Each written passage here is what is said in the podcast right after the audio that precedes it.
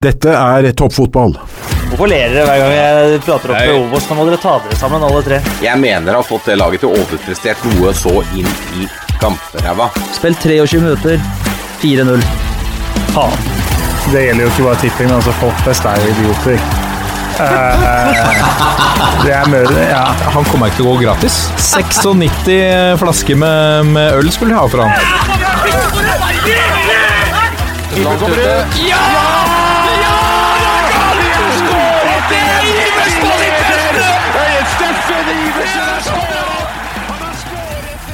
Og der er uh, toppfotball tilbake uh, igjen. Det går litt uh, tid mellom hver gang vi, vi spiller inn, men nå er vi endelig tilbake i studio, og det er en helt egen følelse for de som jeg, jeg tipper du vil merke det også, forskjellen på, på lytteopplevelsen er litt annet når man har litt folk face to face, kontra å sitte på hver sin tue. Selv om ikke noe vondt om, om verken Strømmen eller, eller Viken generelt som fylke, eh, men det er noe helt eget å være tilbake i studio. Ole Martin eh, Neskelvis, velkommen. Tusen takk, Martin. Det er godt å være her igjen. En glede å se ditt fjes igjen i live and direct her i studio. Ja, likeså. Ja. Det, er- det er noe eget. Selv om det er god avstand og sånn, så er det jo hyggelig å se hverandre i øya og, og liksom få den der gode følelsen igjen. Ja, for det er vi er jo spesielt varsomme med deg, selvfølgelig, som er i toppfotballkohorten, så vi må holde litt sånn eh, vi må holde litt ekstra avstand, sånn at ikke vi fucker opp At denne podkasten fucker opp toppfotballs renommé i uh, heretter. Ja, nå er, Per nå så er jo ikke vi i den toppfotballprotokollen. Vi får ikke lov til å gjøre jobben vår. Så vi, eh, men det er greit å være forsiktig allikevel, da. Ja, det er veldig greit. Uh, nå har vi ikke Vi har ikke tid, eller orker ikke flere forsinkelser for å utsette dette. Nå så jeg at det var noen klubber i tillegg fra Viken som mente at vi skulle utsette seriestarten enda litt for dem, og da tenkte jeg bare nei, nå, nå er vi nødt til å begynne. Så får dere plastre sammen de spillerne dere har, så må vi bare komme i gang. Eh, men vi har, eh, selv om eh, vi har to mann i studio, så har vi også eh, Det er jo det litt vakre også med covid, er at det har åpna litt muligheter for oss til å snakke med folk som ikke bare er i hovedstaden. Eh, vi kan bre oss ut over Europa, og hva er vel bedre da enn en, en liten snartur til Italia, fordi han har vært utenlandsproff siden han var 16 år, da han valgte bort en landslagsplass i håndball for å samle på fete fotballklubber i karrieren. Ørn Horten, FC København, Djurgården, Hobro, Geonam Dragons og nå Salernitana. Jeg husker han allerede fra Ørn Hortens fotballskole, da han som 6-7-åring irriterte vettet av treneren sin, Simen. Nå har han blitt voksen, og med 1,99 på strømpelesten ruver han høyere enn de fleste. Og norske spisser på nærmere to meter har vel aldri vært hetere. Julian Kristoffersen, velkommen. Tusen takk skal du ha. Hyggelig å få være med. Deilig å høre litt eh, norsk igjen. Jeg har vært eh, to måneder her nede nå, så jeg er ikke ferdig med litt norsk ennå. Nei, ikke sant? Fordi eh, du kom nå i januarvinduet, ble kasta inn i en, en ny klubb. eh, hvor Altså, er, er det mye på en gang? Ja, det stemmer. Jeg kom i januar. Eh, Sesongen i Korea var ferdig i eh, desember. eh, Starten av desember, så det var en to måneders pause. Og så, og så fikk jeg den muligheten her i Italia, som, som jeg tok og er veldig, veldig, veldig glad for. Så det har vært mye nå i starten, det er helt sikkert. Jeg øh, du, du er jo du er fra Horten med bakgrunn fra Ørn Horten nå. Det kommer vi selvfølgelig øh, nærmere tilbake til. Um, men, men øh, jeg gjorde det som jeg ofte gjør hvis vi skal ha litt gjester. Man går inn på Google, kjører et lite Google-søk. Jeg har jo i tillegg også snakket med noen som, som kjenner deg litt. Men hvis du går på Google og skriver inn et navn på Google, så er det alltid interessant å se hva som kommer som første forslag opp etter navnet ditt. Det er der du ikke har lyst til at det skal stå eh, Ole Martin Nestelquist eh, korrupt, eller, eh, eller Martin Roppestad utro. Det er på en måte ikke det du vil Google skal foreslå. Vet du hva Google foreslår når jeg skriver inn ditt navn? Nei, jeg spent. Lønn. Lønn, ja. Det er det første, altså det kan tyde på er det mest brukte søket på Julian Kristoffersen og lønn. Jeg vet ikke om det har med kontrakten i Hobro å gjøre, eller om det er noen sørkoreanske vibber inne og ute og går der. Folk er vel interessert i hva jeg tjente i fjor da, i Korea. uh, Ja. jeg tror.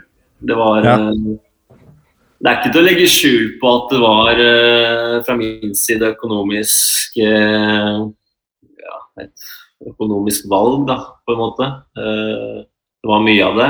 Eh, og så var det jo en ny kultur og en ny opplevelse som jeg hadde lyst til å ta del i. Så, så når tilbudet kom, så var det egentlig ikke noe Det var en no-brainer for meg. Jeg var under kontrakt med, med Hobro i Danmark, og de, de kjøpte meg ut fra kontrakten. Og kontrakten var på én sesong, så det var ikke noe å tenke på for min del, egentlig. altså. Men du, eh, så du kjører ikke en Jeg vet ikke om du har hvor godt du følger med på norsk fotball, men her har vi eh, toppskåreren i, i Bodø-Glimt, Kasper Junker, som sa at det har, det har, vært min drøm hele mitt liv å spille i Japan for Jeg husker ikke hvilken klubb det var engang, jeg. Men han kjørte den. Han ville ikke være med på at det var snakk om noe penger her. Det har vært hans store drøm å spille i Japan. Så du kjører den mer ærlige varianten, kanskje? Det, det er vel uh, sikkert litt økonomi inne i bildet der òg, vil jeg tro. da. Uh, jeg har vært åpen om det hele tida, at det, det, var eh, økonomisk grunn til at jeg dro til koreansk nest beste liga. Uh, så det er ikke noe å legge skjul på det, egentlig. altså. Men er det såpass Så, så, så det er ganske mye bra med, med penger i, i den nest øverste ligaen i Sør-Korea? Ja, det, er, eh, det var eh, De bruker mye penger på utenlandske spillere. Eh, alle klubber har lov til å ha tre spillere, så det er ofte offensive spillere de henter. Så ja, de bruker mye penger. Har mye penger i klubbene. Og egentlig veldig, veldig profesjonelt opplegg i forhold til hva jeg hadde, hadde trodd. Altså. Alt fra treningsfasiliteter, kosthold, trenere nivået imponerte meg også, egentlig. Man har ikke hørt så mye om asiatisk nivå kanskje i, i Europa, men uh, det var ganske bra, bra nivå, altså, faktisk.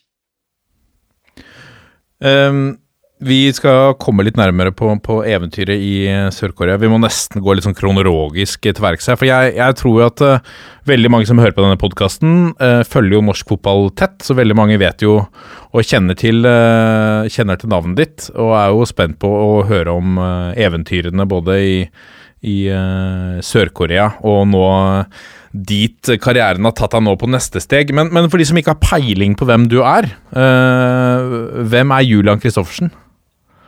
Nei, Julian Kristoffersen Hvis jeg skal beskrive meg selv, da. Så, ja, det er alltid en veldig deilig øvelse. Ja. Eh, jeg er vel ganske målbevisst, tror jeg. Setter meg mål og gjennomfører måla. Tålmodig, vil jeg vel si at jeg er. Eh, så liker jeg å tro at jeg er ganske snill i tillegg, så hvis jeg skal beskrive meg med tre ord, så, så er det vel det, tror jeg. Jeg snakka med flere som, som, mener at du har uh, Du hadde noen gode Du hadde noen spissferdigheter veldig, veldig tidlig, men du har trent deg god?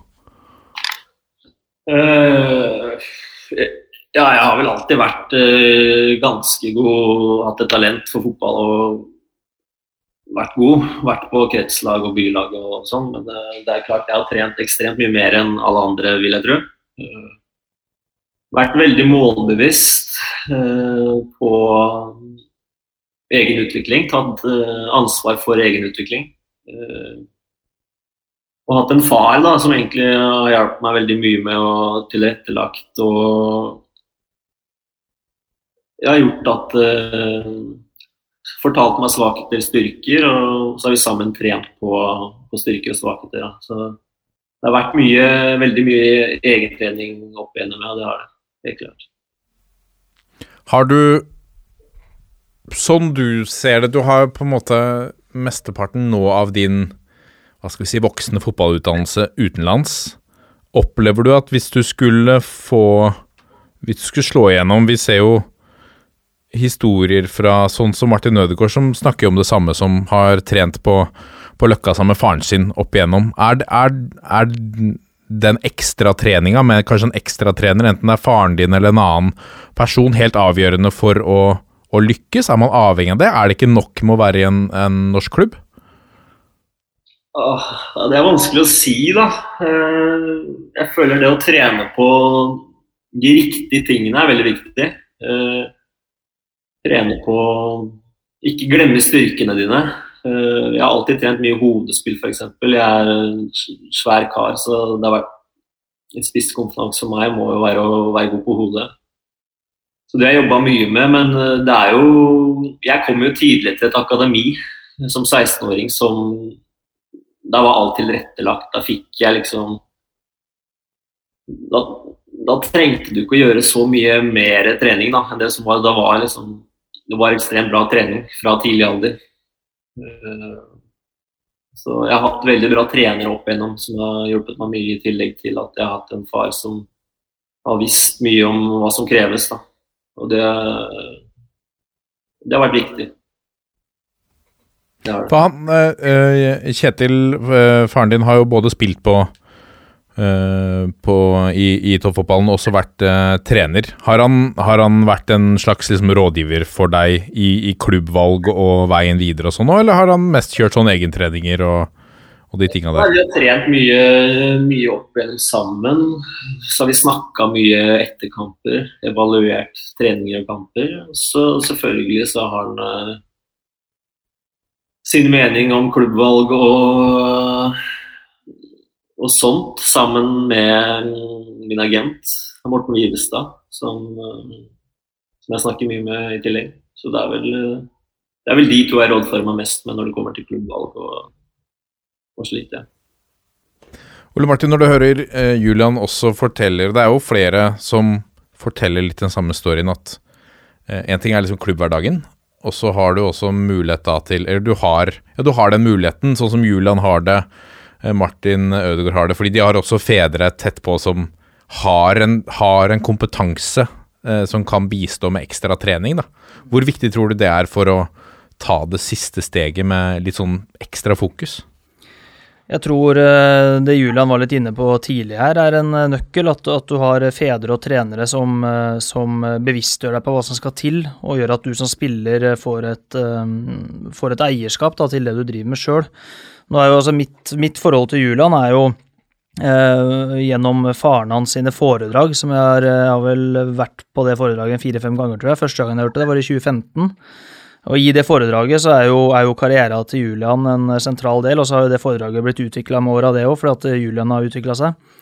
Men, eh, men inntrykket mitt, altså det man sitter igjen med, noe av det man sitter igjen, sitter igjen med etter det foredraget, er jo at alt er mulig, men du må få en oversikt over hva som kreves for å få det til, og så må du vite hvordan du skal jobbe for å få det til. Um, og det er klart at Hvis Julian gjennom faren sin og gode trenere har fått den kunnskapen tidlig, så er det en kjempefordel for å bli god. og det er jo Du refererte jo til Ødegaard i stad. Jeg har inntrykk av at eh, det Hans Erik Ødegaard kanskje gjorde som var viktigst med, med Martin Ødegaard, var jo å bevisstgjøre ham på, på hva som skal til for å bli god, og hvordan han skal få det til. Og eh, Får man til det i en tidlig alder, så ligger man jo foran en del andre. Så uh, Kjetil, faren din bruker deg altså som en slags bærebjelke i foredragene sine, Julian. Kjenner du et slags eh, press nå på at hvis ikke du, hvis ikke du nå eh, putter på Sa- Salernitana, så, så synker kvaliteten på foredragene til Kjetil? uh, nei, det føler jeg ikke så mye press på, egentlig. altså. Skal være ærlig. Men det er hyggelig at han har med det i foredraget sitt. Det, det er kult. Nå har jeg ikke hørt det selv, faktisk, men Det kan anbefales. Ja, det kan, jeg det. Faren din, er flink til, faren din er flink til å prate. Men det er jo, som jeg sa, jeg har, jeg har hørt det flere ganger. Første gangen var i 2015, mener jeg. Og da var det sånn at da fortalte han om at han hadde en gutt som var på akademiet til FCK. Som, som eh, forhåpentligvis kunne bli god. Og så neste gang jeg hørte det, så var det nei, nå, nå spiller han Superliga i Hobro, og, og så var det utlandet. Og, så da, liksom, det er artig å, vært, artig å ha fulgt karrieren din gjennom foredragene til faren din. Ja, ja, det er kult. Det er kult. Men du uh, jeg- Hvis vi ser på karrieren din, så slår det meg at du, du ble tidlig voksen, er det som jeg tenker på. Jeg satt jo sjøl på tribunen da du debuterte for Ørn Horten som 15-åring, tror jeg. Eh, Og du begynte vel å trene med A-laget der enda tidligere enn det? Jeg begynte vel allerede vinteren som 14-åring. Uh, greia var jo at det var ikke juniorlag på det tidspunktet. Mm, Vi sleit med underlaget, og Ståle Bransrud, som var trener på, for Ørn på den, den tiden, han tok meg opp på en trening. Eh, og så gjorde jeg det veldig bra i starten. Fikk trene mer og mer. Og til slutt så, så blei jeg et full, full medlem av, av stallen. da. Og det var, På den tida var det veldig stort for meg. Jeg gikk vel i 9.-10. klasse og fikk trene med spillere som Jørgen Jalland, Kristoffer Silberg og, gutta, liksom. Så det var det var en veldig fin tid. Og jeg, jeg føler jeg utvikla meg faktisk eh, veldig mye på den tida. Å få trene med annendivisjon når det er såpass ung, Da fikk du hår på brystet, på en måte. Men merka du at du Altså, tenkte du noe over Eh, hvilke tanker gjorde deg da du skjønte ok, her blir jeg tatt opp i stallen? Jeg blir, altså du, du, blir jo, du, blir jo, fort voksen, da. Når du blir eh, Du er jo fortsatt en, en gutt. Ja, det blir eh, Jeg husker det ble veldig Det ble fort seriøst. Det gikk fra å, det gikk fra å være litt en lek med gutta til å bli, til å bli alvor, på en måte. Alle treningene bygd opp til match.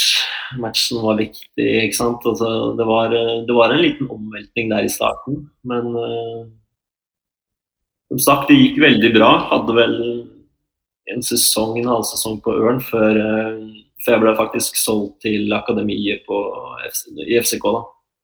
Så det er mye å takke den tida at Ørn tok meg opp så tidlig og, og satsa på meg. Det, det er jeg veldig takknemlig for.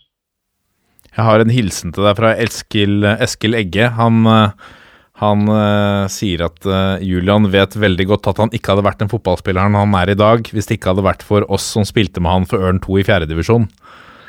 Sør-Korea og Amalfi-kysten er sikkert kult, det, men det slår neppe å spille match mot Sem IL en tirsdagskveld. Nei, meg og Eskil spilte mye matcher sammen på, på annet laget til Ørn. Spilte i fjerdedivisjon, og han han ga meg mye pasninger. Eh, så ble det mye mål i fjerdedivisjon eh, som ung. Det var, eh, nei, det var en, en, fin tid, det. altså. En tid jeg ser på, tilbake på med, med, glede. Men allerede da var når, når, du er 15 og du, det kommer interesse fra, fra Danmark, hva var den Hadde du agent allerede da? Hvordan Hvilke tanker gjorde du da det tilbudet kom? Jo, jeg har jobba, med Morten Myrestad lenge. Siden, vi, siden, jeg var 13. Eh, jeg husker, jeg husker jeg ble fortalt at det hadde landa en e-post hos Ørn. Eh, hvor det sto at eh, FCK ville ha meg over, over å trene. Jeg husker jeg ble veldig glad. Det var, det var enormt stort for meg. og Jeg så fram til de til å dra over. Eh, og det var eh, Fikk vel Det eh, var vel Torleif Sandvik tror jeg, som fortalte meg det. Og det var, det var enormt stort. Og da dro jeg over, var der en uke.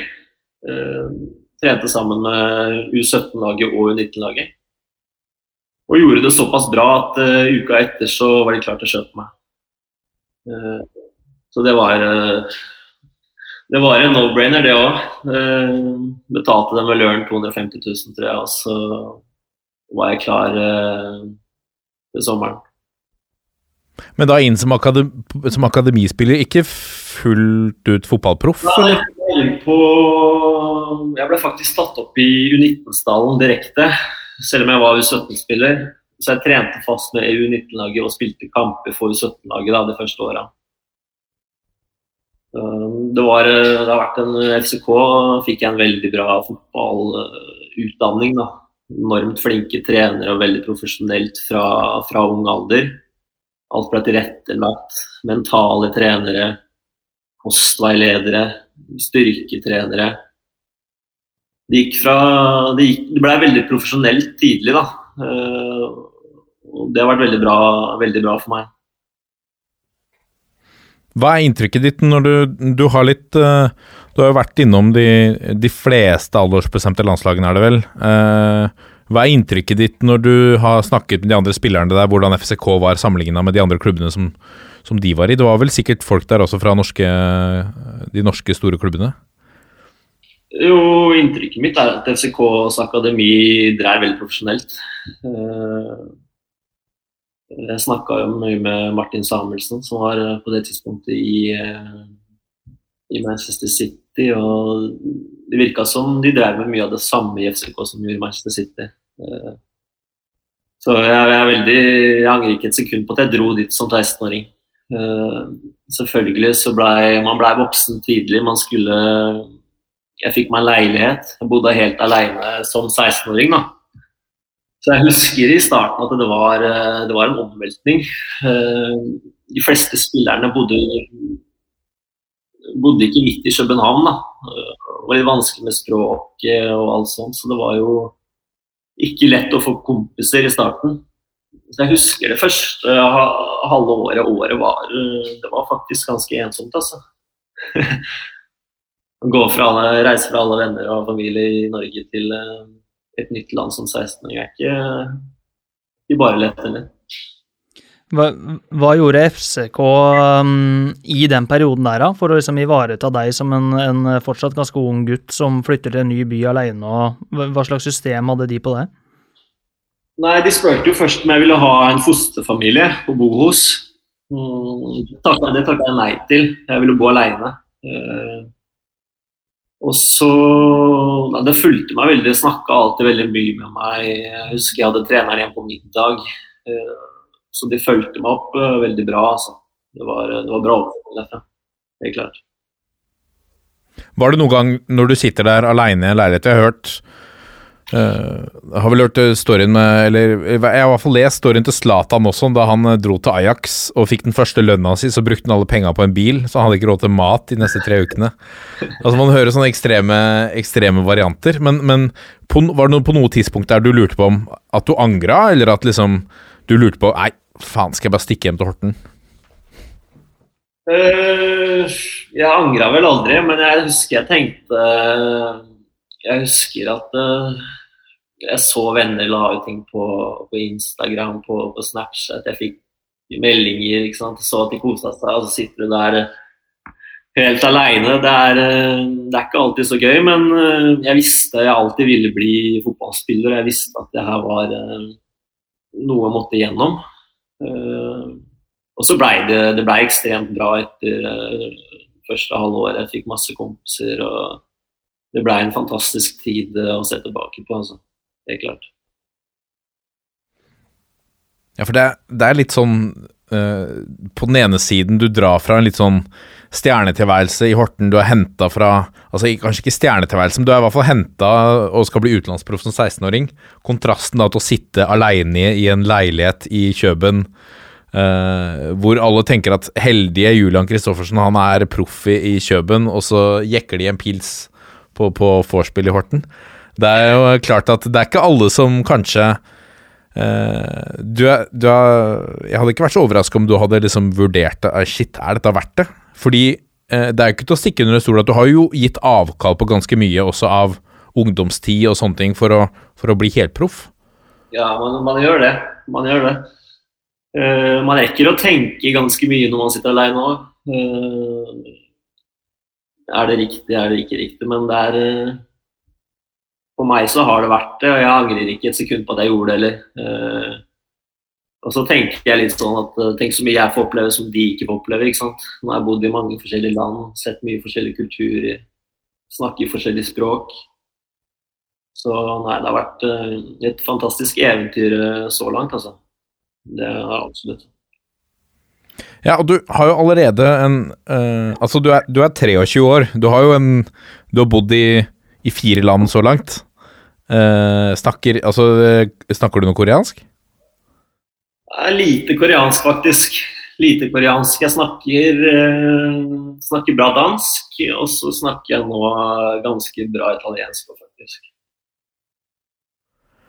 23 år, år, ganske bereist. Altså, det høres ut som en gammel, en gammel uh, eventyrlysten gubbe, dette. Når du, når du, ser på landet han har lagt ned, og, og hvis du ser det på papiret, da det er jo, og det er noe med det som jeg opplever noen ganger at man, man glemmer litt, er at fotballspillere er jo mennesker, de òg. Så når du, du får muligheten til å flytte til et annet land, så kanskje man ikke skal le like mye av Kasper Junker av at han Det er vel kanskje ingen som tror at det var en barndomsdrøm å spille i Japan, men det å kunne bo og leve i Japan som fotballspiller Altså du får jo, Det er ikke alle som får lov å, å få muligheten til å bo i et annet land i det hele tatt. Nei, absolutt ikke. Og det er jo hvis noen av spillerne mine i Strømmen hadde fått muligheten, uh, fått et tilbud om å være proff i Korea i, uh, i, uh, i, ett år, så hadde jeg anbefalt dem å gjøre det. For du, du kommer jo hjem mye rikere på, på erfaringer og, og, det du får oppleve, det du får se. Um, og det er, jo, det, er, jo, en kul bakgrunn Julian allerede nå har fått. Det, er, det er en annerledes vei enn det egentlig alle nordmenn har tatt. Jeg kan ikke si at det er noen som har gått, gått samme veien som deg.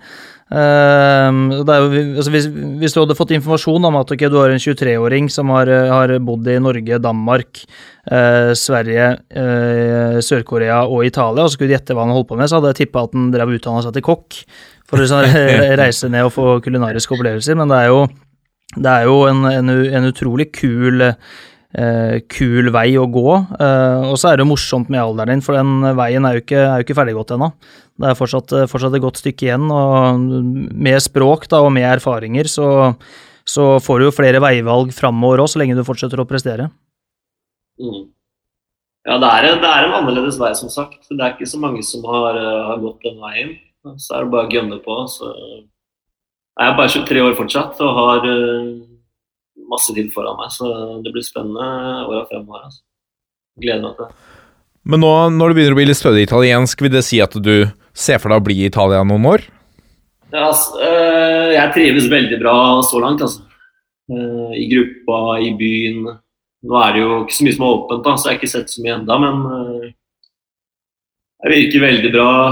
Nå tar jeg italiensk kurs, prøver å lære meg det. Har en kontrakt på tre og et halvt år, så, så jeg har tid på meg. og ser ikke bort ifra at det kan bli noen år eh, ned i Italia, nei. Absolutt ikke. Hvordan falt valget, hva, øh, hvordan falt valget på, på Salernitana, da? Var det noen andre beilere som var aktuelle? Ja, det var, øh, det var jo mange muligheter. Forskjellige muligheter. Men øh, når, når Salernitana ville ha meg, så var det ikke så mye å tenke på for min del. Det var det ikke.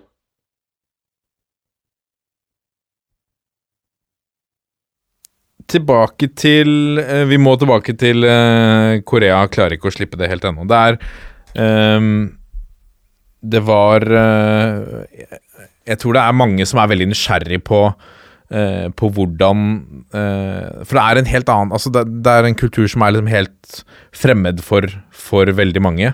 Hvordan var det å, å komme dit? Du hadde jo kanskje allerede litt sånn god erfaring med å Uh, å tilpasse deg en, en uh, ny kultur, altså i den grad den danske kulturen er ny, men, men det en kanskje har fått en tilpasningsevne da, fra Norge til Danmark. Hvordan var møtet med, med Sør-Korea? Uh, nei, det var Møtet med Sør-Korea var spesielt. Uh, Starta med at kjøpte en flybillett til meg, det var jo den businessen. Senga var ikke måte på. å komme ned til Korea ble jeg møtt, uh, møtt av presidenten. Ble jeg tatt med på legesjekk, og det var den omfattende legesjekken. Flere, fem timer, tror jeg. Men kulturen var, det var veldig spesiell. veldig sånn respekt. Man skal ha veldig respekt for menneskene der nede. I hvert fall for de som er eldre. Uh, og treneren jeg hadde, var jo han var klin gæren, for, å si det rett ut. Han, uh, han spylte folk med sånn hageslag når vi sto i dusjen og Oi, shit. Uh, ja, ja. Han uh, satte enormt press på spillerne, da. Folk var jo, spillerne var jo livredde der nede for å, for å spille. Det var enormt press på, på spillerne der. Sånn, sånn ordentlig fryktkultur. Det har du ikke Noterer deg det trikset, da? Vannslangen i dusjen etter et tap. Ja, jeg tar med meg den videre. Den er fin, den. Men hvordan, hvordan uh, håndterte de det, da, de eh, medspillerne dine og du? Ble du offer for uh, hageslangen noen gang? Nei, jeg, jeg slapp unna hageslangen. det gjorde jeg, men eh, nei, folk var jo Folk var redde, veldig sånn basert på frykt. Mye basert på frykten i, i Asia. Eh, og ja, det, var eh, Spillerne var nervøse. Snakka med mange spillere som var nervøse. Eh, dagene var veldig lange. Alltid to treninger om dagen. Starta tidlig fra fra syv om morgenen til syv om kvelden, faktisk. All vi, vi, bodde på Vi hadde eget rom på anlegget, hver spiller.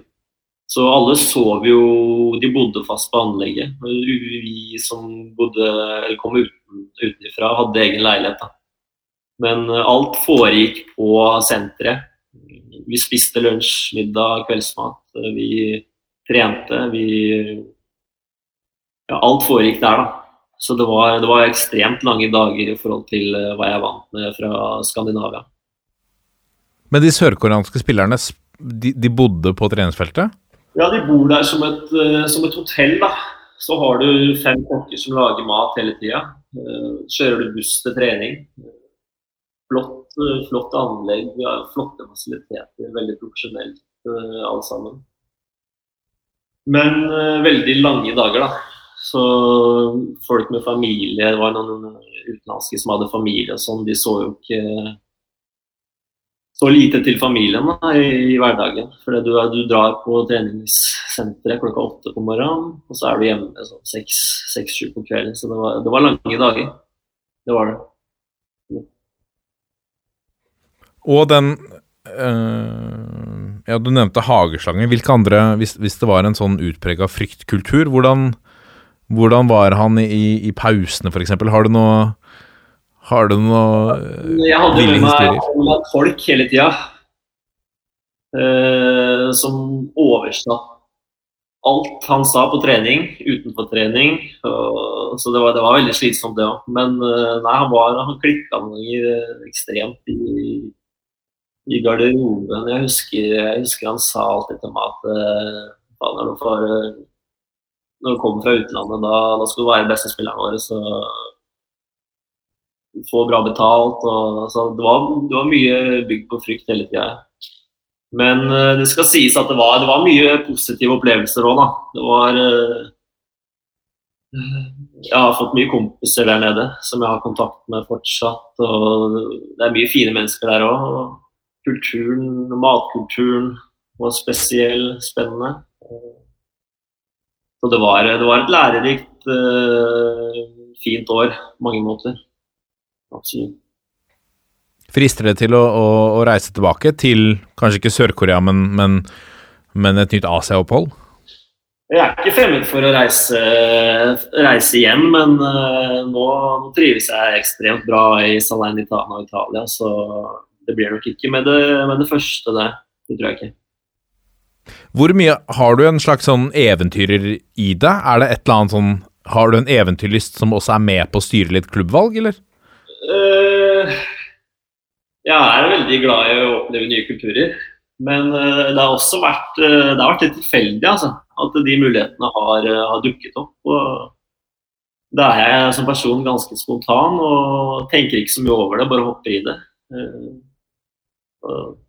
det det har vært veldig bra så langt.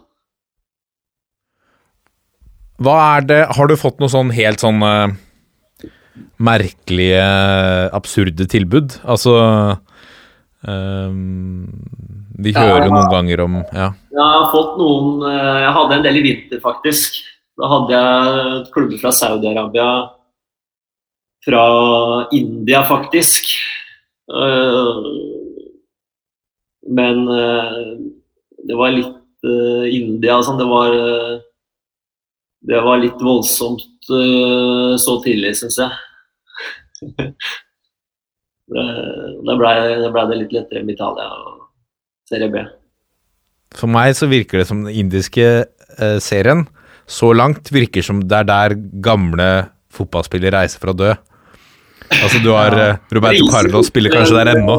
Ja, Riise var der. I India, tror jeg. Ja. mm. Ja, jeg, har faktisk sett noen kamper fra indisk toppdivisjon. For det, det var en spiller der eh, vi vurderte å hente som en liksom PR-stunt. En NASA-spiller i India. Uh, men vi måtte konkludere med at ikke, vi kan ikke ta sjansen, for nivået er eh, tynt, altså. Uh, rett og slett. Men det er jo, det er jo i voldsom interesse. Det er jo vanvittig mye folk på kamp, og det er jo, det er jo en sånn opplevelse. men Jeg støtter Julian veldig at kanskje ikke når du er 23. For det er jo, du, du er vel fortsatt på sted i karrieren din liksom, hvor, hvor, det er gøy å reise, det er gøy å oppleve nye kulturer, nye land, men, men det sportslige nivået må jo, være, må jo være bra, sånn at du liksom hele tida kan ta nye steg. For er Sør-Korea er jo eh, eksotisk for oss nordmenn, men det er jo fortsatt en fotballnasjon. Det er et godt landslag, det er topplag som gjør det bra i den asiatiske Champions League. Det, det er jo et, et, et ganske ålreit nivå der borte, så vidt jeg vet, og italiensk fotball vet jo alle om. Det, det er jo veldig bra. Ja, nivået i Korea var, eh, det var bra, altså. Og Mm. bra spillere. Og selvfølgelig, jeg har jo ambisjoner som spiller selv. eh, Og vil, vil se hvor langt jeg kan nå da, som spiller. Mm. Så det sportslige, det sportslige teller jo selvfølgelig veldig mye.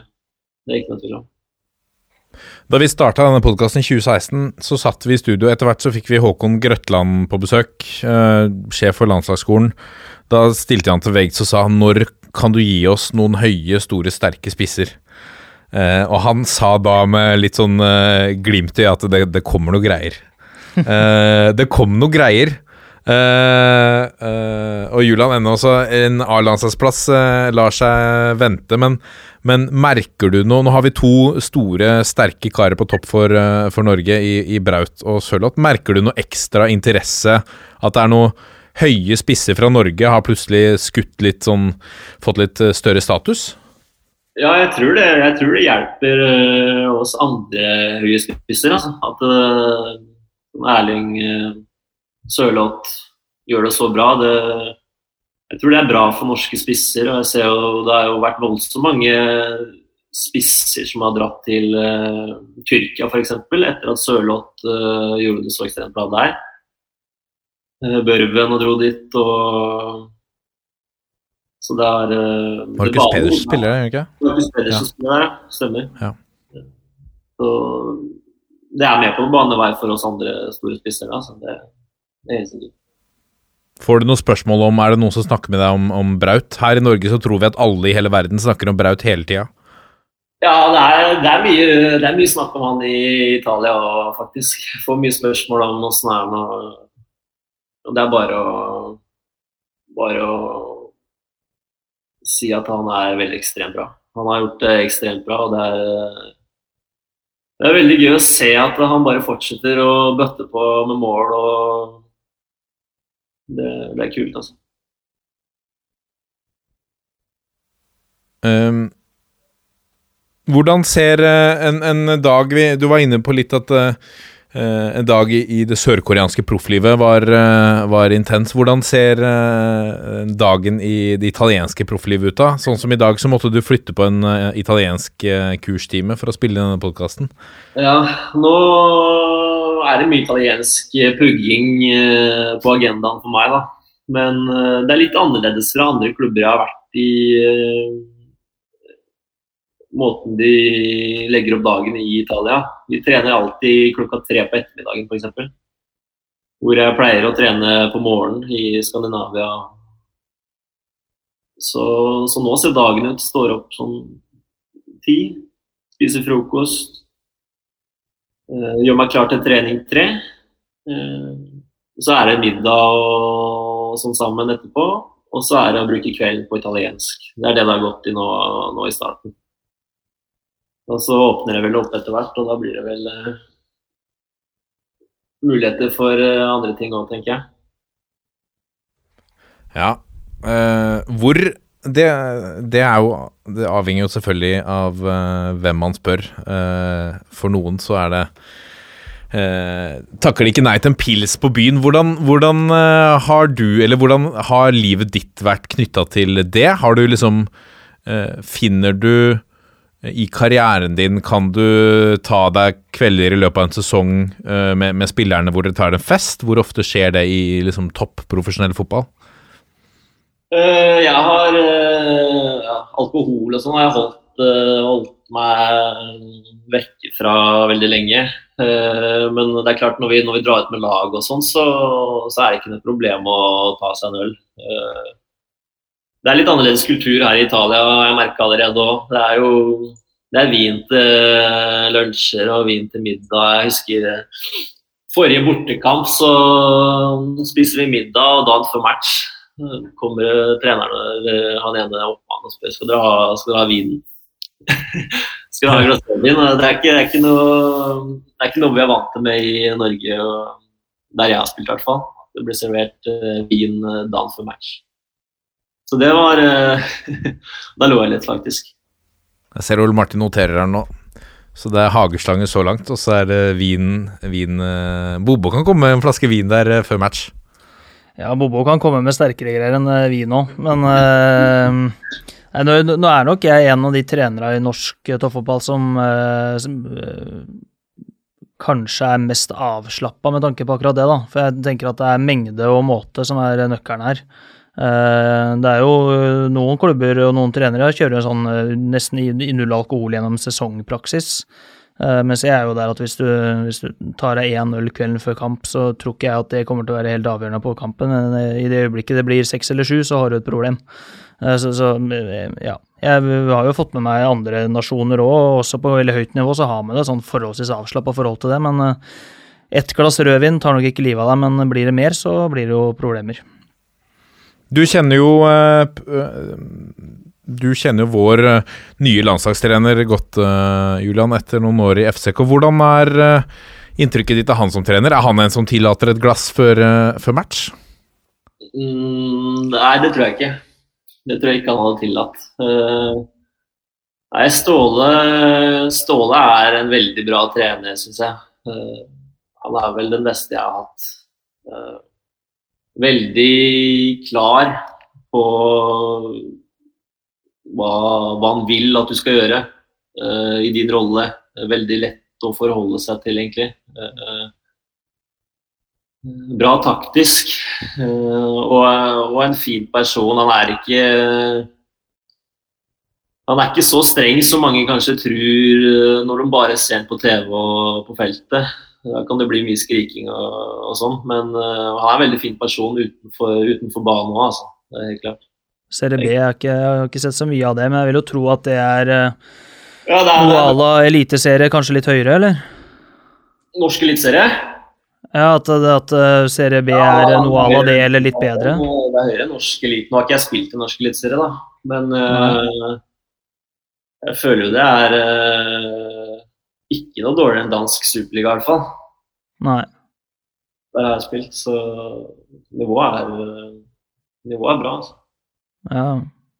Du, spil, du, eh, du, spiller med en som En som eh, spilte for Roma i semifinalen mot Liverpool. Han benker hos dere nå? Ja, Mirko Antonucci heter han. Eh, ja. Han tror jeg fikk, han fikk 20 minutter uh, i kvartfinalen semifinalen i Champions League for Roma-Liverpool. Uh, for to år siden, tror jeg. Han, han, får ikke trene Han får nesten ikke trene nå. Så det er, det er hardt om plass. Han får ikke trene fordi han ikke er god nok, eller? Nei, treneren mener at ikke han er god nok, da. Men, så da får han ikke lov å trene?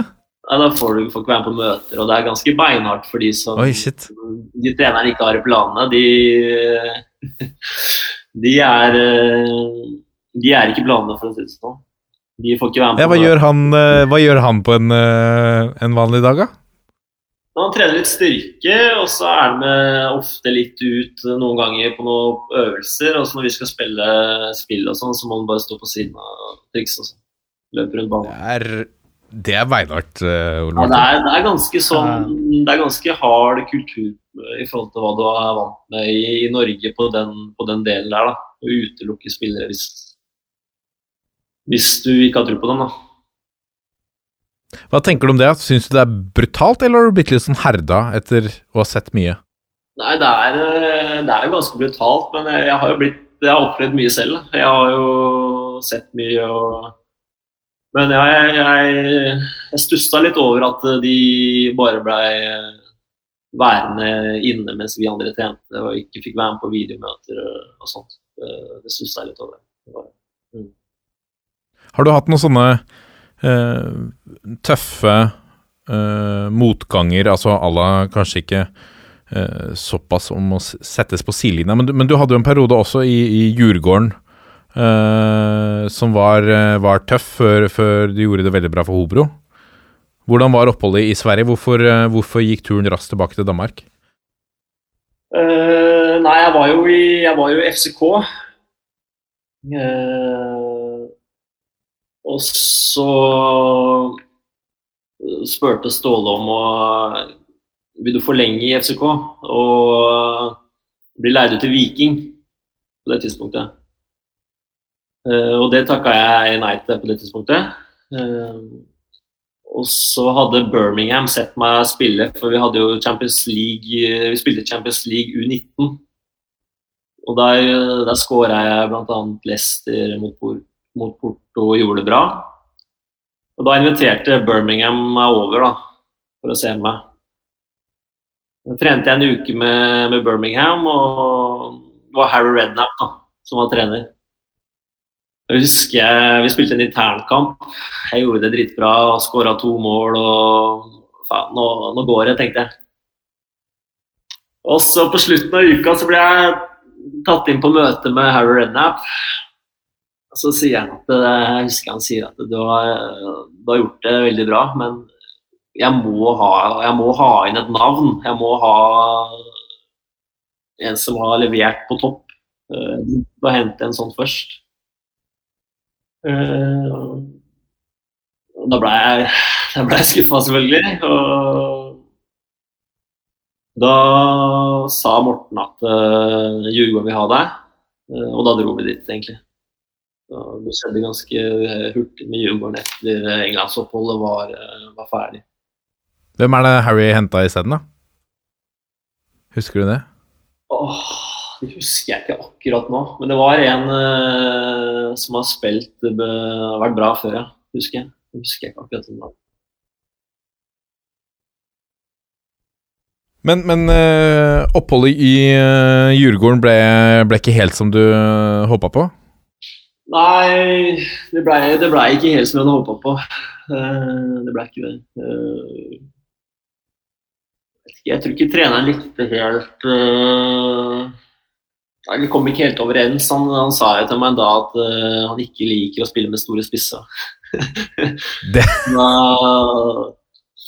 da blei det, ble det, vanskelig. og det var, Selv om jeg gjorde det Jeg skåret i cupen da jeg fikk starte første matchen, og gjorde det bra. altså. Men uh, i fotball så er det Da er det veldig avhengig av at uh, ja, det er én mann som bestemmer hvem som skal spille. Da. Så det er avhengig av treneren gir deg sjansen og, og tror på det. Det er bra å hente en på 1,99 og ikke like å spille med store spisser? Ja, det skjer jo Det er jo ikke første gangen i historien det skjer. At, at f.eks. en sportsdirektør eller et eller annet liksom trumfer en trener på å hente en spiller. men Det er, det er lett for meg å si som trener, men det lønner seg ikke. altså, For det er fortsatt treneren som tar ut laget. Og så, og så blir det jo, kan det liksom gå utover spilleren til slutt. Da, for spilleren snakker med klubben, får inntrykk av at klubben vil ha deg, har trua på dette, og så signerer du, og så viser det seg at treneren din har ikke vært med på å signere da, og da, da kan du fort stå der. da. Ja, det er sant. Det, er ekstremt viktig, og det har jeg lært av. Det er ekstremt viktig at uh, treneren ønsker det. At det er treneren som ønsker det, det er, det er, det er viktig altså. nå, nå, i fotball.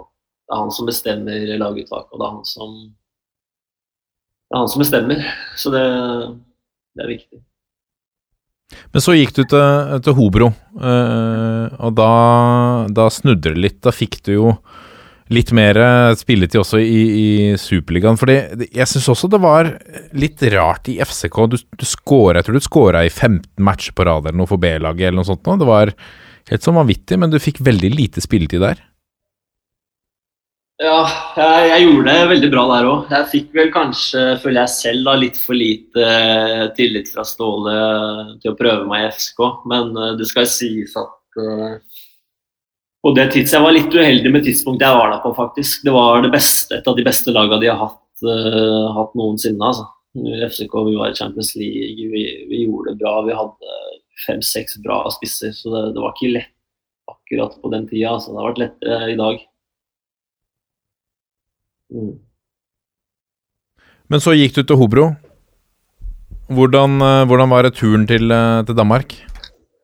Uh, nei, det var, en, uh, det, var, det var veldig fint.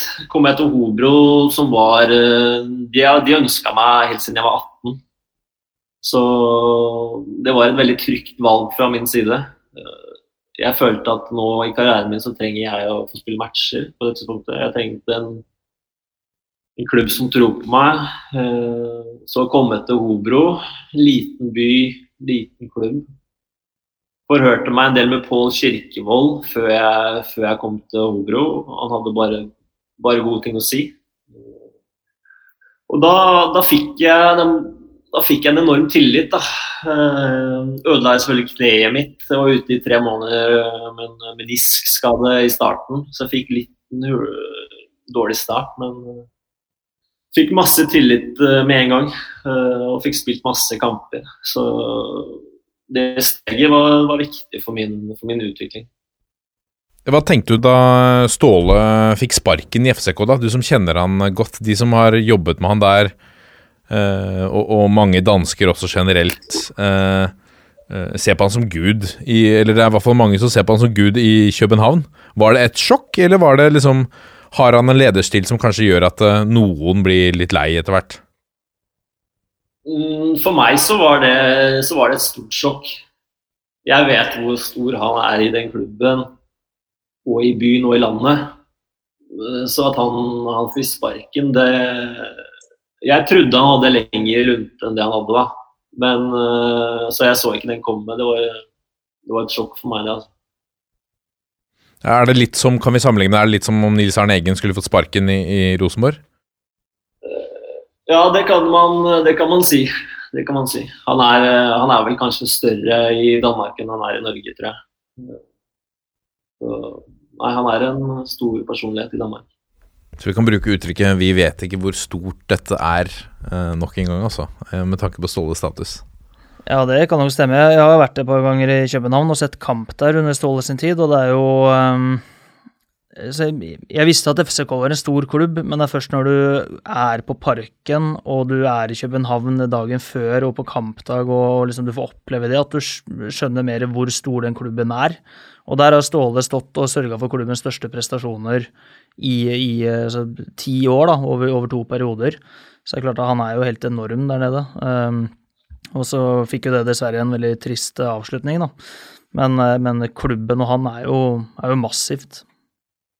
Men nå, Salernitana, sammenlignet med de andre klubbene har vært i, hvordan er størrelsen og hvordan er liksom forholdene eh, nå, nå, kan du på en måte sammenligne med et par klubber i Danmark og Sverige og Korea. Hvordan, hvordan står den seg sammenlignet med de klubbene der? Uh, nei, nivåmessig så er det vel på noe av det beste jeg har prøvd. Kanskje FCK på den tida var litt et hakk over, men uh, de andre klubbene jeg har spilt i, så er det, så er det bedre, det her. Det er Jeg er imponert over nivået. Uh, veldig mye taktisk trening her nede. Veldig lite mål i, i ligaen nå. Det er jo bare uhørt og 0-0 og 1-1. Så det er et høyt taktisk fokus her nede, som man har hørt om i Norge. Så alle mine myter om italiensk fotball står seg også? Husker Men, da de gikk på TV3 i gamle dager. Da var det stort sett hver gang jeg skrudde på, så var det 0-0 eller 1-0, og så var kampene ferdig. ja, det er, det er hele tida. Ja.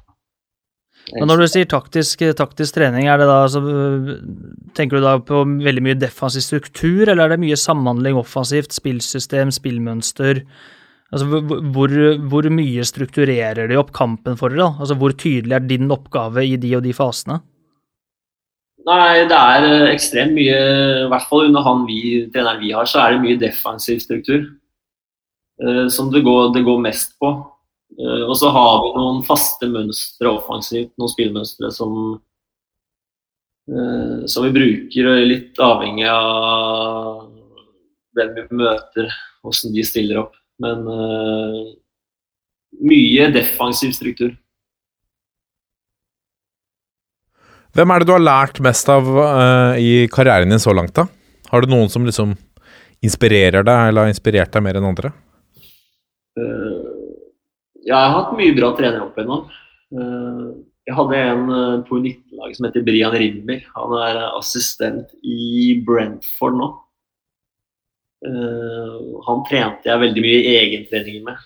Mm, hodespill, bevegelser i boks. Han har vært veldig viktig, jeg har lært meg mye.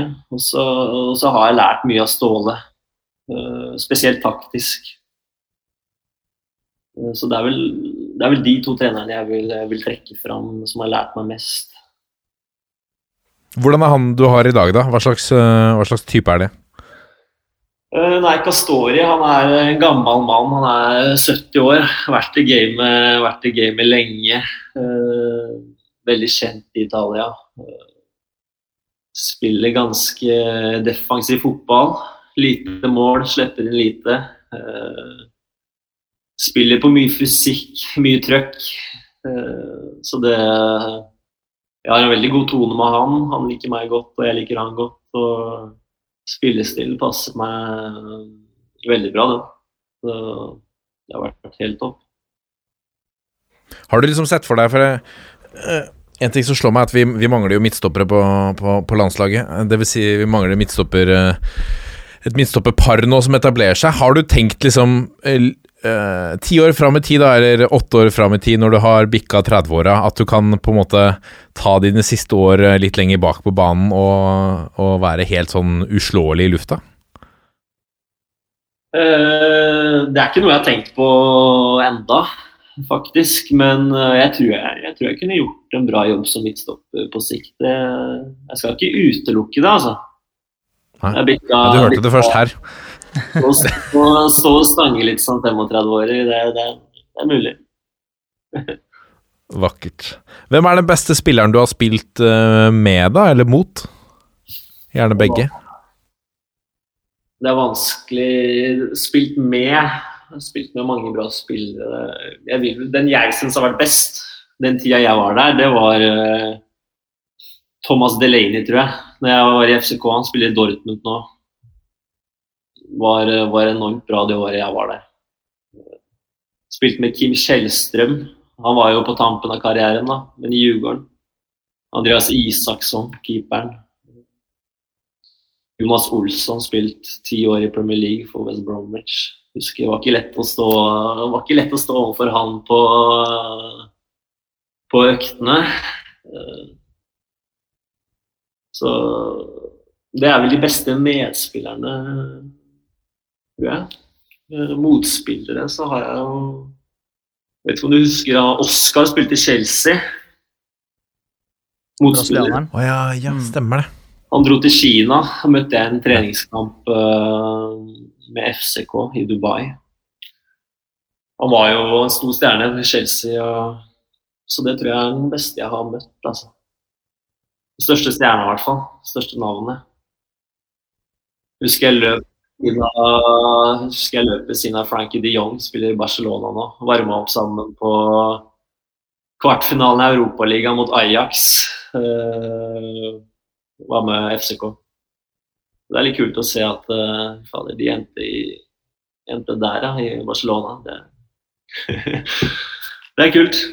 Det er vilt. Mm. Noen norske, da? Hva er, det, hva er den beste norske Det er vi alltid mest opptatt av her, vet du. Det beste norske jeg har spilt med? Bortsett fra Kristoffer Silberg.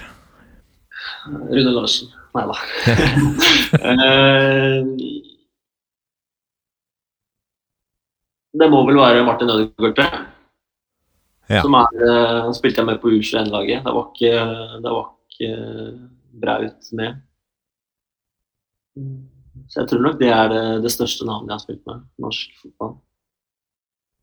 Fikk du noe bra stikkere? Var han god på å finne det? Ja, han har, eh, har, veldig bra overblikk og teknikk, og det er ikke noe å si på det. Altså, det, er, eh, det er lettere å spille med gode medspillere. Da blir du, da blir du bedre. Det, det er helt sikkert. Jeg har en, en liten fugl som hviska meg i øret at du har prøvd deg som playmaker, du også, på bylaget uh, i, i, Horten i 2011, bak ikke ukjente Spellemannsnominerte Sebastian Zalo. Det, det stemmer. Jeg, jeg spilte mye midtbane i tidligere, i tidligere alder. Eh, Det var veldig gøy å se at eh, Sebastian har lykkes, lykkes så mye med musikken nå. og gjør det så bra. Han er vel husker han fikk fire røde kort på én sesong som guttespiller. Det, det hadde et enormt temperament. Stor og sterk spiss. Han kunne blitt bra, han også, men det er kult at han har lykkes i, i musikken. Det, Har du noe kontakt med han? Var det en, var det en fyr du kjente godt? Uh, ja, han kjenner jeg Jeg er ikke så mye kontakt med nå, men eh, når vi møtes, så har vi god kontakt. og Veldig fin fyr, det, altså. Det var eh, Eskil Egge der som var, eh, som var bylagstreneren din eh, på den tida. Han som har kommet med den informasjonen. Han blei jo seinere lagkameraten din på, på A-laget til Ørn. Han mente at du, var, du hadde noen enorme stikkere til Sebastian Zalo. Det var derfor han trakk deg litt lenger bak på, på banen. Svært god til å finne folk i romventen.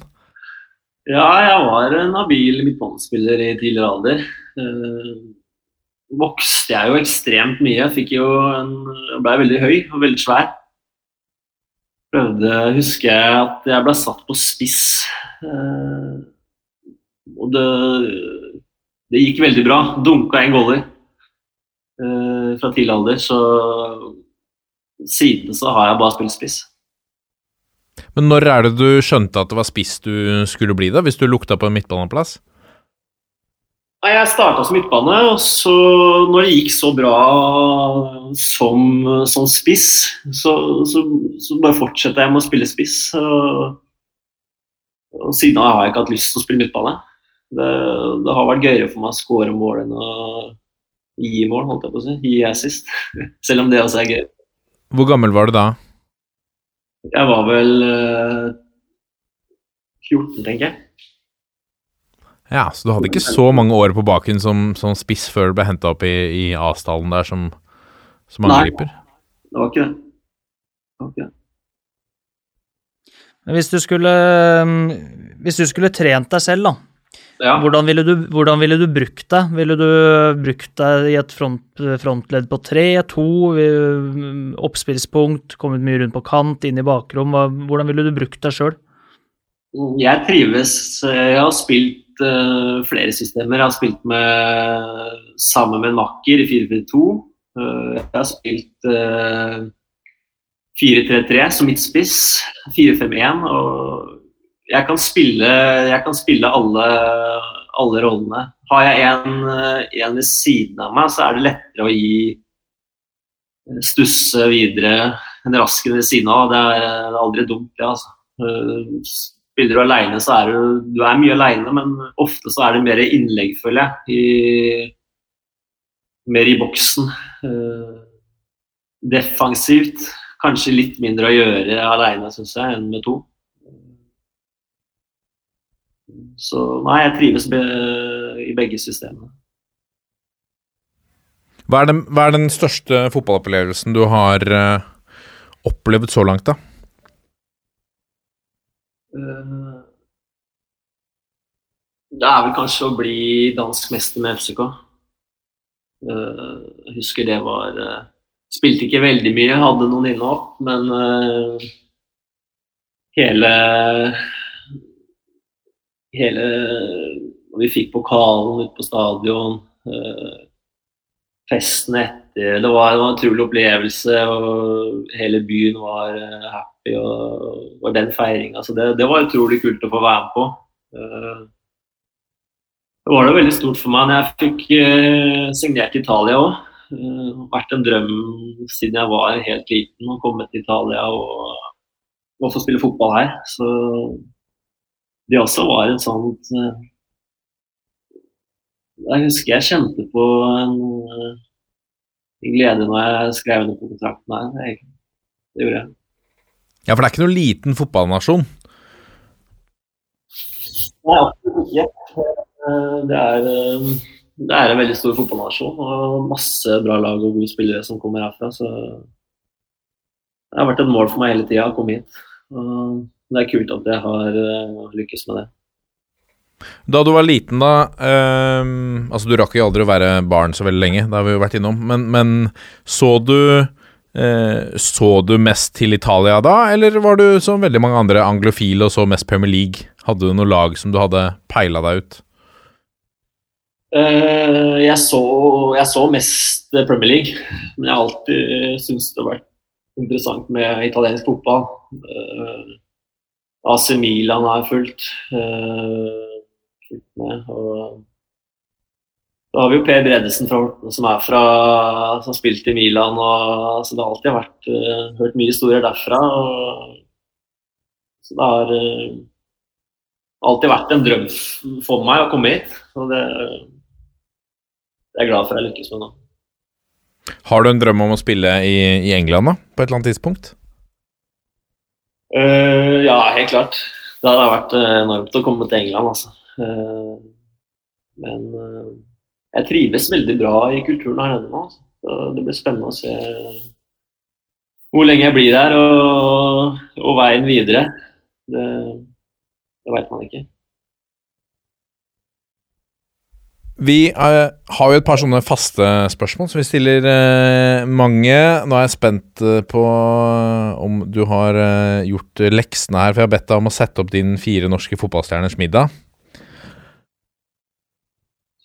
Fire fotballstjerners middag Hvor du kan Da kan du invitere tre, tre andre. Det kan være trenere, journalister, spillere, gamle spillere. Hva det måtte være. Felles er at de må være norske. Hvem ville du invitert, og hvorfor? Her er det fritt spillerom. Det første jeg kom på, må være Bernt Hulski. Ja. Han syns jeg, jeg, er helt konge, faktisk. Eh, jeg syns han er veldig morsom. Han hadde nok lagd bra, bra stemning rundt det bordet. Eh, det var kult at med Drillo, tror jeg. Jeg eh, har jo masse erfaring og mye, mye kunnskap og sikkert mange historier. Jeg har fått med John Carew òg. Tror jeg hadde vært, uh, vært, kult. Jeg tror han har mye historie, han. Fra Spilt i mye forskjellige ligaer. Uh, er vel glad i livet, han òg, tenker jeg. Han, så det, det har vært gøy. Det tror jeg hadde vært en bra trio å ha med seg rundt bordet. Hva ville du kokkelert med, da? Har du, noen, har du lært av noen italienske delikatesser ennå? Jeg har lagd mye Lagd mye lasagne. Veldig god på lasagne blitt, så det hadde nok blitt det, tror jeg. Blitt servert lasagne. Ikke noe forrett eller dessert, eller vi er rett på Dessert eh, Det måtte vel blitt uh, Napoleonskake. Jeg er veldig glad i napoleonskaker, da. det, er, det er ikke noe dumt. Napoleonskake hadde vært helt, eh, helt strålende å ha med. Uh, forretten uh, bruschetta. Kjører bruschetta til forrett, uh, så tror jeg vi har menyen der. altså. Vi hadde slått an. Ikke dårlig. Ikke dårlig. Vi må ta med noen lyttespørsmål nå, Julian, før vi gir oss. Vi har et direkte fra Horten. Det er Patrick Bekeskau som lurer på om det er stor forskjell på, på dansk og svensk liga? Mm, ja, det er litt forskjell. Jeg ser dansk liga som best. Uh, svensk er mer, det er mer åpne matcher i Sverige, føler jeg. Det blir skåret mer mål, lettere å skåre mål. Danskene er bedre, mer strukturert, bedre, bedre defensivt. Det er i hvert fall det min, min opplevelse. Og så lurer han på når kommer Julian tilbake til Roppestad sin gamle lekegrind, Lystlunden? Uh, jeg bikker 40, så er jeg klar, uh, klar i listen, Ja. Som midtstopper, da, kanskje? Som midtstopper, kanskje da, ja ja, da tror jeg kanskje du får med deg Pollen nå. Jeg tipper han er klar for et comeback da.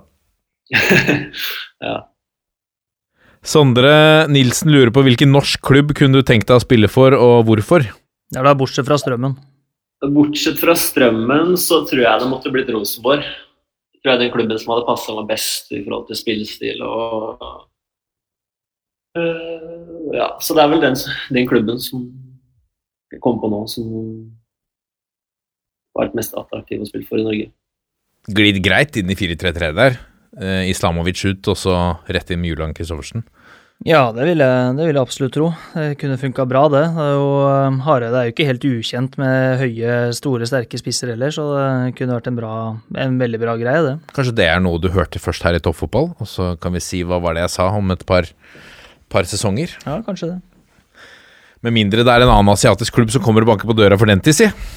Um, styrmann lurer på om du har en go-bag uh, stående, og hva er i den?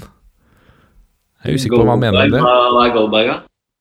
Det er, vel, det er vel en, eh, si en sekk da, som du alltid har pakka som eh, står ved døra, i tilfelle det plutselig skulle komme et bud og du må sette deg på første fly og du rekker ikke å pakke. Så har du liksom en Nei, bag jeg er jo så lenge bare i klubben et år, så det er greit å ha en go-bag. nei, eh, nei det, har, det har jeg ikke. Det, har, det må jeg ærlig innrømme, det har jeg ikke. Altså. Uh, Benjamin Sears lurer på hvor stor er egentlig Martin Roppestad i Ørn Horten. Det tror jeg vi skal la passere uh, med glans. Legende, legende Ørn Horten. Én kamp på benk for Ørn Horten 2 i tredjevisjon back in the day. Og det er jeg stolt av. Det er jeg stolt av. Så langt kan man komme med å ha personlig rekord, trikserekord på 15. Det er ikke teknikk som eh, alltid spiller en rolle, Ole Martin. Innsats er viktig, det òg. Absolutt. Julian eh, Kristoffersen, dette har vært en, eh, en ære. Uh, tusen takk for at du var med. Det har vært veldig hyggelig å være med. Det var gøy. Masse lykke til med innspurten i Serie B. Er, hvordan er ståa der nå? Dere er og luk lukte på en kvalikplass.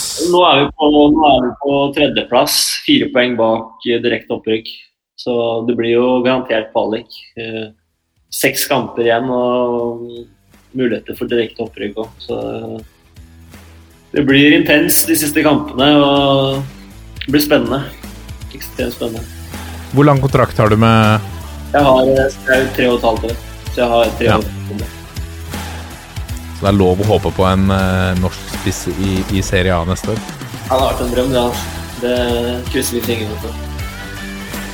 Nydelig. Masse lykke til, Julian. Vi skal følge med. Eh, vi er eh, Toppfotball på Facebook, Twitter og Instagram. Gå gjerne inn på iTunes også, eller eh, send oss en mail på toppfotballat451.no, så runder vi av på sedvanlig vis på 1, 2, 3.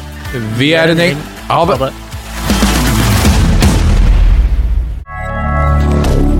Moderne media.